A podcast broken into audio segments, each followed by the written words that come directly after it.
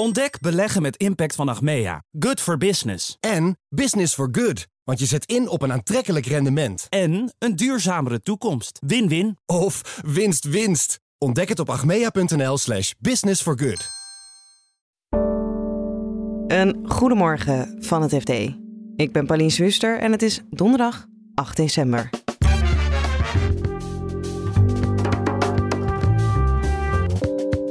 Een Europees prijsplafond voor gas zorgt voor problemen, waarschuwt de beurs voor gas. De markt wordt verstoord. Daarmee wordt de markt minder efficiënt. En de theorie is natuurlijk: efficiënte markt betekent goede prijs. En er komt een nieuwe notering aan de AX, investeringsfonds Exor. Ja, eigenlijk ook een beetje om een flauwe reden zou je kunnen zeggen. Ze zijn hier niet omdat Nederland nou per se de plek is waar, ze, waar zij de, de toekomst zien.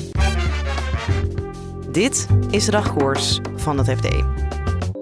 We beginnen bij het Europese prijsplafond voor gas, waar in Brussel over gepraat wordt. Als dat er komt, gaat dat voor problemen zorgen op de gasmarkt, waarschuwt gasbeurs ICE. Waarom? Dat hoor je zo van onze energieredacteur Karel Grol. Maar eerst vertelt hij wat dat inhoudt: een prijsplafond op de gasmarkt. Dat gas niet te duur uh, mag zijn. Dat er gewoon een plafond uh, komt van meer dan dit uh, ga je er niet voor betalen. Dat was eerst, volgens mij dat plafond stond op 275 euro per megawattuur. En het laatste was al eerder deze week dat het uh, verlaagd naar 220 euro per megawattuur.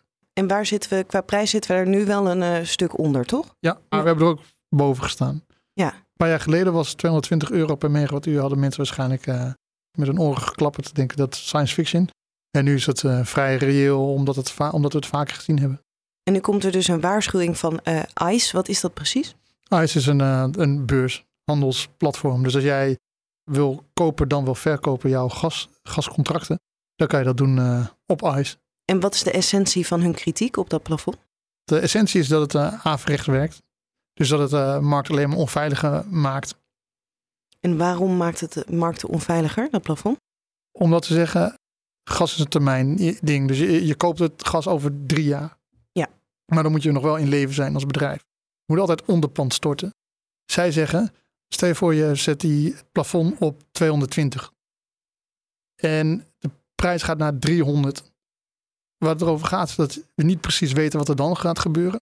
En dat je als handelspartij veel meer onderpand moet aanhouden. Omdat de situatie wordt gewoon eigenlijk te onzeker. Niemand weet wat er gebeurt als we boven dat plafond uitkomen. Voilà. Ja. En dus moet je meer onderpand aanhouden. Als jij uh, 100 miljoen onderpand moet aanhouden, en dan ben je niet zo heel groot waarschijnlijk, dan kan je dat niet ja, niet geen salaris van betalen. Ja. Je moet het wel ergens hebben.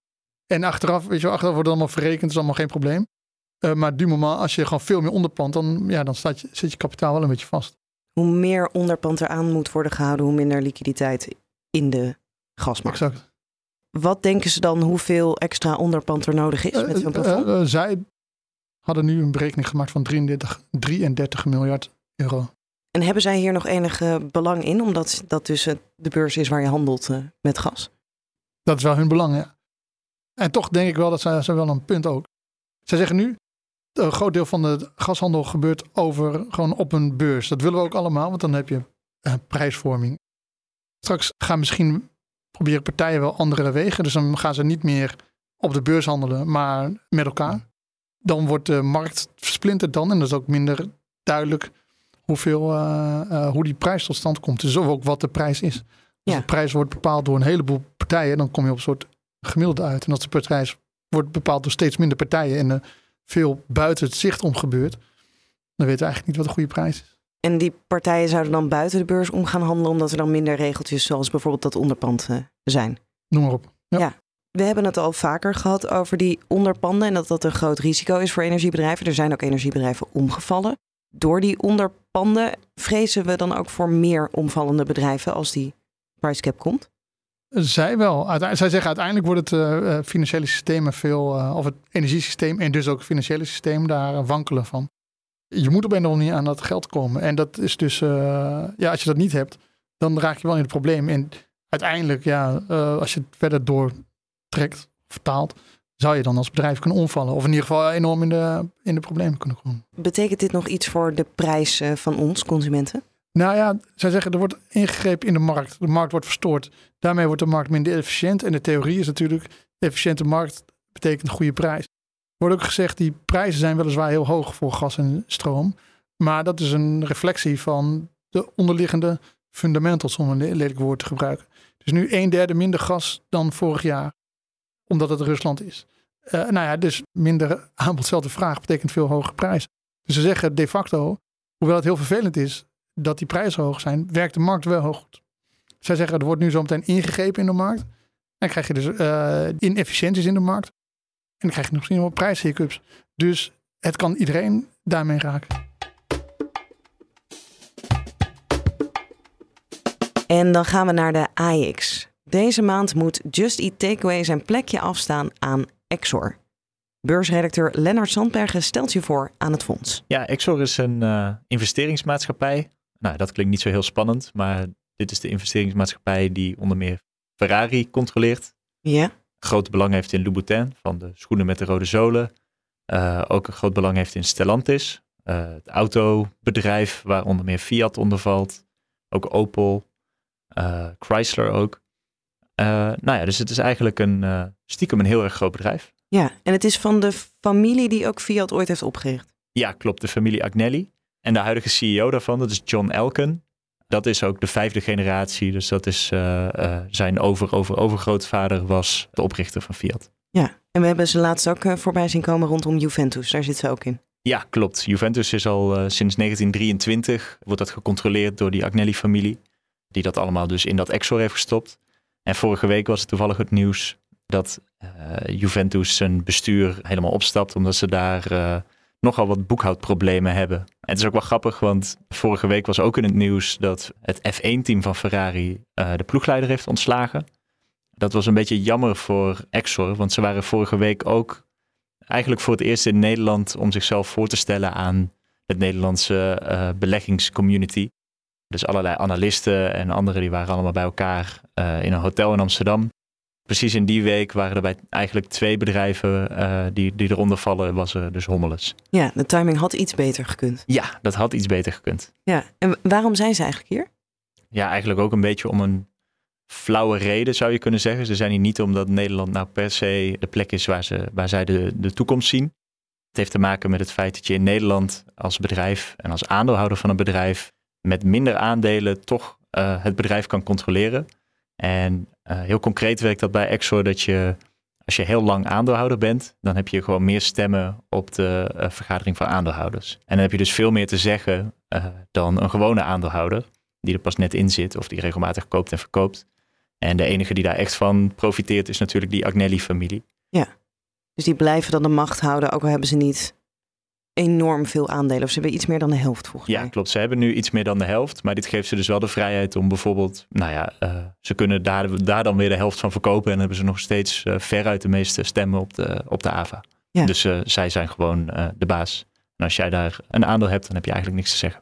En je zei al, ze zien niet echt de toekomst in Nederland. verwachten we dan wel dat ze nog iets van activiteit hierheen halen? Of? Ze hebben ook een soort durf-investeer tak nou ja, en ze suggereren wel van, nou ja, die kan ook, die hoeft niet per se alleen in Italiaanse bedrijven te investeren.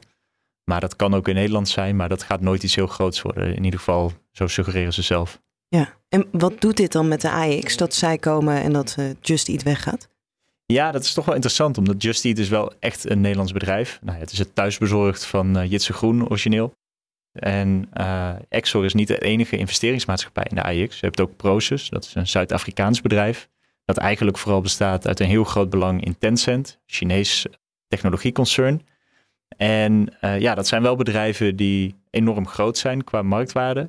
En dus ook best wel wat uitmaken hoe, ja, wat de stand van de AX is. En uh, ja, van oudsher is toch een beetje het idee van die index dat je in ieder geval reflecteert wat de prestaties zijn van Nederlandse beursgenoteerde bedrijven. Dus nou ja, van oudsher Shell, Unilever, Axo Nobel, weet je wel, dat soort grote namen.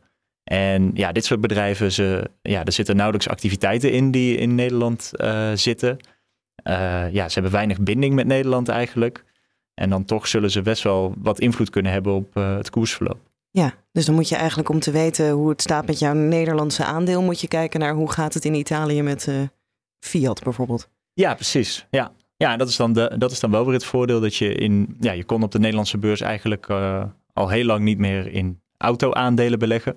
Uh, Spijker, dat sportmerk, heeft nog heel eventjes een beursnotering gehad, maar dat was niet zo'n succes. En nu heb je dus wel een bedrijf dat enorme belangen heeft in uh, automakers, dat wel weer een beursnotering heeft in Amsterdam.